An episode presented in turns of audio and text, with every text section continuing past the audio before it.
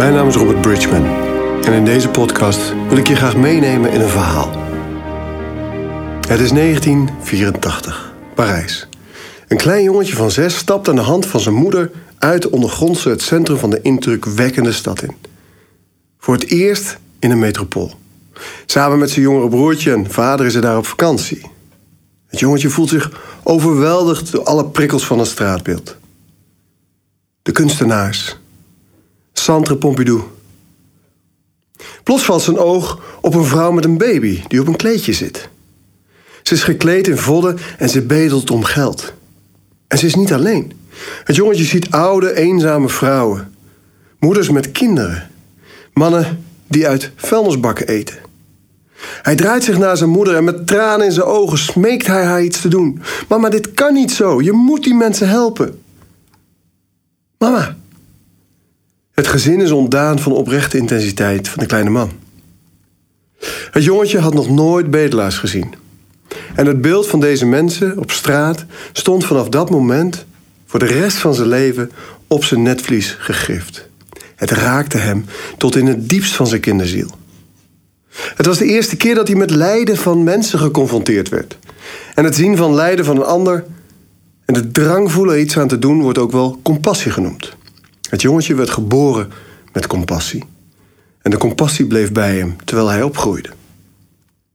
Gedurende zijn jeugd en puberteit bleef de jongen begaan met het lot van anderen. Met zijn vrienden hield hij uitgebreide discussies over de ongelijkheid in de wereld. Hij was ervan overtuigd dat het systeem waarin we leven niet klopt, van geen kant. De jongen vond daar bij vrijwel niemand een begrijpend oor in. Mensen vonden hem lastig. En dat was hij in feite ook. De pijn, de frustratie en de woede over de wereld waren van hem af te lezen. En menigmaal kreeg hij te horen: Je kunt het lot van de wereld niet op je schouders nemen. En dat gaf hem een gevoel van eenzaamheid, van niet begrepen worden. Snapte dan niemand dat het niet kan dat wij zo rijk zijn en Nederland hier en dat mensen elders in de wereld zo arm zijn dat ze honger hebben? Waarom begrijpt niemand dat het niet eerlijk is zoals het gaat op onze planeet en dat het niet langer zo door kan gaan? Hoe kan het zijn dat mensen gewoon doorgaan met hun leven terwijl zoveel anderen lijden? Hij raakte verbitterd, probeerde er zelfs een einde aan te maken. Als puber raakte de jongen op het verkeerde pad. Hij begon met foute vriendjes om te gaan. En mensen zijn in de kern allemaal pijnverwijdende wezens en hij dus ook. Hij onderdrukte zijn pijn met alcohol, met drugs en destructief gedrag. Hij zocht zijn grenzen en raakte verwikkeld in allerlei straatcriminaliteit. Hij werd onhandelbaar thuis. De jongen was koersloos, wist niet wat hij wilde en kon niets veranderen aan zijn bestaan. De onvoorwaardelijke liefde van zijn ouders zorgde ervoor dat hij niet volledig ontspoorde. Hij begon met werken in de horeca, eerst als kok en later bediening, en langzaam maar zeker vond hij zijn weg in een maatschappij die hij niet Als jongen van 19 begon hij met reizen, onbewust op zoek naar anderen op de planeet die er net zo over dachten als hij. Zuid-Amerika, een jaar Zwitserland. Hij wist niet waar hij moest zoeken. Hij voelde zich nutteloos. Achteraf gezien kwam hij de juiste mensen wel tegen, maar stond niet voor ze open. En hij keerde met lege handen terug naar huis. Toen de jongeman terugkwam rond zijn 21ste had hij het gevecht tegen de oneerlijkheid in onze samenleving opgegeven. Blijkbaar zat hij ernaast. Blijkbaar was dit normaal en om niet gek te worden besloot hij zich aan te passen. Op een goed moment dacht hij letterlijk, dan word ik maar succesvol. Hij had een bliksemcarrière, van intercedent bij een uitzendbureau naar algemeen directeur van een bouwdienstverleningsbedrijf met een miljoenen omzet. In negen jaar tijd. Hij had het huis, de mooie vrouw, de snelle auto. Alles erop en eraan. Maar hij werd een karikatuur van zichzelf. Opgeblazen, materialistisch. En alle genotsmiddelen die je kunt bedenken gebruikte hij. 27 jaar jong voelde de man een enorme verantwoordelijkheid om de 80 gezinnen van zijn medewerkers te voeden. Die druk werd hem te veel.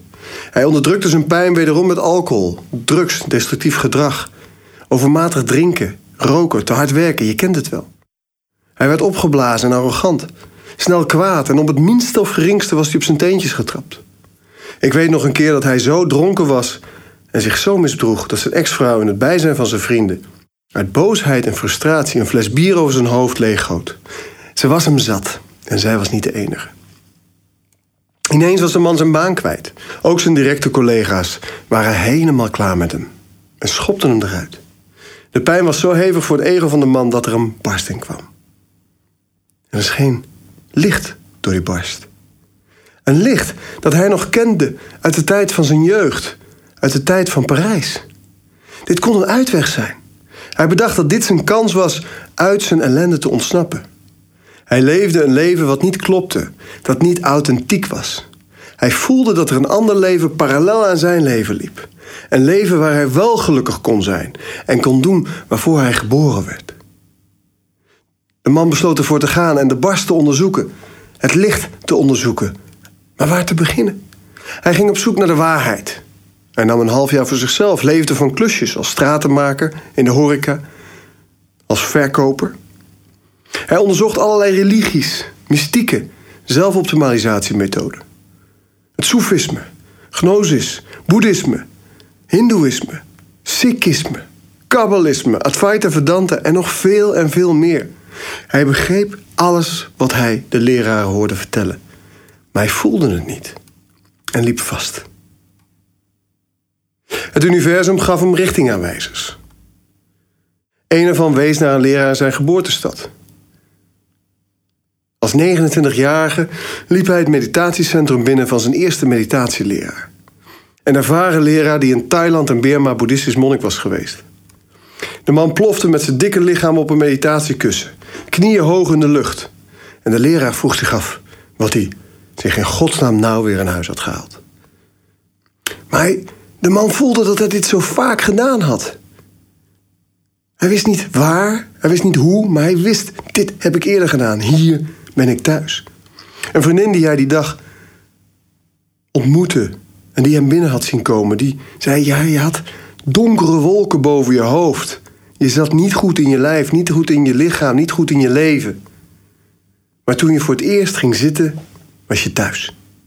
De lessen van zijn leraar maakten hem wakker en motiveerden hem om aan zichzelf te werken. Yoga, sport, vegetarisch en bewust eten maakte dat hij 30 kilo gewicht verloor in een half jaar tijd.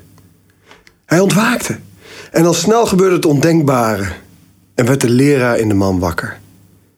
Hij veranderde in een ander mens. Van angst naar liefde. Van nemen naar geven. Van onwetendheid naar wijsheid. We maken een sprongetje in de tijd. Twee jaar later had hij zijn eigen bewustzijnscentrum. In een expertwijk in Saigon, Vietnam. Samen met zijn nieuwe vrouw. En zijn leraar gaf hem toestemming les te geven. Hij was spiritueel leraar geworden. Iets wat hij nooit voor mogelijk had gehouden. Jaren van retraites in Nepal, in India, in Thailand en Vietnam volgden. Hij vloog de hele wereld over. Hij identificeerde zich niet langer met zijn naam, met zijn lichaam en persoonlijkheid. En nam een nieuwe Engelse naam in. Omdat hij internationaal werkte, maar ook omdat hij mensen wilde inspireren. Want je bent niet je naam. Hij ging bij verschillende leraren in de leer: energiemeesters, meditatiemeesters, shamanen. Hij leerde een Engelse leraar kennen, een meester in het werken met spirituele intelligentie. De man ontdekte dat er twee werkelijkheden zijn: de absolute werkelijkheid waar alles één is, waar geen dualisme bestaat, waar geen tegengestelde bestaan, geen tijd, geen ruimte. De werkelijkheid waar meditatiemeesters het al sinds mensheugenis over hebben. De werkelijkheid die je betreedt als je verlicht raakt. Voorbij alle illusie. En die andere werkelijkheid van alle dag. De werkelijkheid die als je opstaat in je huis, s ochtends je dag ingaat. De werkelijkheid van tegengestelde, van pijn en genot, van tijd en ruimte. Dat die werkelijkheid er ook is. En de waarheid, ontdekte hij, die loopt door beide realiteiten. Enerzijds is er die werkelijkheid van eenheid. Waar alles verbonden is met elkaar. Waar geen individu bestaat, waar geen afscheiding bestaat. En anderzijds is er die werkelijkheid waar dat wel zo is. En het is niet het een of het ander. Het is allebei. Deze jongen, deze man, ben ik. De gevoelens en inzichten uit mijn jeugd zijn teruggekomen. Ik doe weer waarvoor ik geboren ben. Mijn leven heb ik gewijd aan het faciliteren van een nieuw menselijk bewustzijn. Aan het einde van het lijden in de wereld. En een planeet in harmonie. Want als je in staat bent je los te maken van je lichaam, je gedachten, je emoties, je persoonlijkheid, je zelfbeeld, van je geconditioneerde lage ego, dan ontstaat er vrijheid. Want de illusie van afgescheidenheid houdt op te bestaan terwijl je gewoon kunt blijven functioneren in onze maatschappij. Maar de illusie van afgescheidenheid en dat mensen daar te diep in zitten, is de reden van alle ellende op deze planeet. De ellende die me al sinds mijn geboorte dwars zit. En waarvan ik voel dat ik op aarde ben gekomen om daar iets aan te doen. Want doordat we denken dat we losstaan van het geheel, losstaan van de natuur, losstaan van de aarde, van het universum, gedragen we ons egoïstisch en destructief. Maar het is onwetendheid, het is illusie. Als je van de maan naar de aarde kijkt, zie je niet een heleboel afgescheiden individuen. Het is één geheel. Wij horen, wij zijn onderdeel van dit organisme. Bewustzijn brengt een besef van eenheid. Het brengt wijsheid. De onwetendheid heft op. Maar het brengt ook verantwoordelijkheid. Want we zijn met 7 miljard mensen. En onze egoïstische destructie begint de planeet en alles wat erop leeft te beschadigen. Er is zoveel lijden op de wereld. 40 miljoen slaven, meer dan er ooit zijn geweest. Nu. Mensenhandel tiert. Meer vluchtelingen dan ooit. Een miljard mensen die elke avond met honger naar bed gaan. Inheemse volken die wereldwijd worden onderdrukt en misbruikt. 30.000 olifanten per jaar die worden gestroopt. 55 voetbalvelden Amazonewoud die we elke minuut omhakken. Plastic eilanden in onze oceanen en vervuiling van onze lucht, zodat onze kleinkinderen straks misschien met mondkapjes oplopen. Maar er is ook goed nieuws. Er is een weg om hieruit te komen. Al het lijden van de afgelopen 2500 jaar was mogelijk omdat de mensheid in een collectief bewust van angst en macht leefde. Er is al oorlog zolang wij ons kunnen herinneren. Omdat we niet verder terugkijken dan 2500 jaar. Er is al lijden zolang we ons kunnen herinneren, omdat we niet verder terugkijken dan 2500 jaar. Maar sinds 2012 is er een nieuw bewustzijn op onze planeet. De tijd van Aquarius is aangebroken. Een tijd van liefde, van geven en compassie. Het is belangrijk dat we met zoveel mogelijk anderen in dit nieuwe bewustzijn ontwaken. Want in dit nieuwe bewustzijn kunnen we samen de problemen op deze aarde oplossen en een wereld in harmonie bewerkstelligen. En dit nieuwe bewustzijn begint bij jezelf, bij jou. Want door zelfonderzoek, bewustzijnstraining als meditatie, door het ontwikkelen van compassie kun jij een verschil maken in de wereld. Als je je vervolgens ook nog verbindt met de andere lichtwerkers om je heen, dan kunnen we samen een enorme impact hebben op de welzijn van mens, dier en moeder aarde. Ooit is mijn reis, net als die van vele anderen, begonnen met het verruimen van mijn bewustzijn. Processen van zelfontwikkeling. Ik ben door diepe dalen gegaan, door duisternis, door, hele moeilijke en zware stukken. Het is niet leuk om jezelf aan te moeten kijken. Het doet pijn om met je eigen ego-stukken aan de slag te gaan. Daarom doen zoveel mensen dat ook niet. Het kost moeite en energie om door je eigen duisternis te gaan, je trauma's op te lossen, je beperkende overtuigingen onder ogen te komen.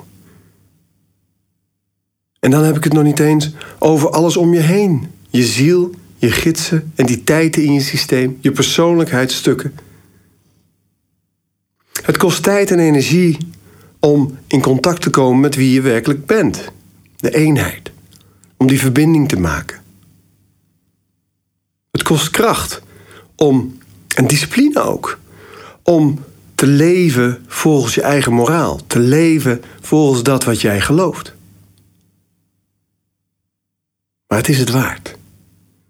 Want elke stap die jij zet in het ontwikkelen van jezelf, zorgt dat je meer licht doorlaat. Dat je kanaal verder opent. Zorg ervoor dat jouw trilling verhoogt. Bewustzijn heeft alles met die trilling te maken. Want als jouw bewustzijn verruimt, dan heeft dat een effect op het bewustzijn van de mensheid. En als er heel veel mensen zijn van wie het bewustzijn verruimt, dan zullen we merken dat ons collectief bewustzijn in een versneld tempo verruimt. En komen we met z'n allen op die hogere trilling van liefde, compassie en wijsheid. Waardoor datgene wat lager trilt, woede, haat, pijn, uiteindelijk transformeert. En we met elkaar naar een wereld zonder lijden kunnen gaan. Een wereld in harmonie. Dank voor je aandacht.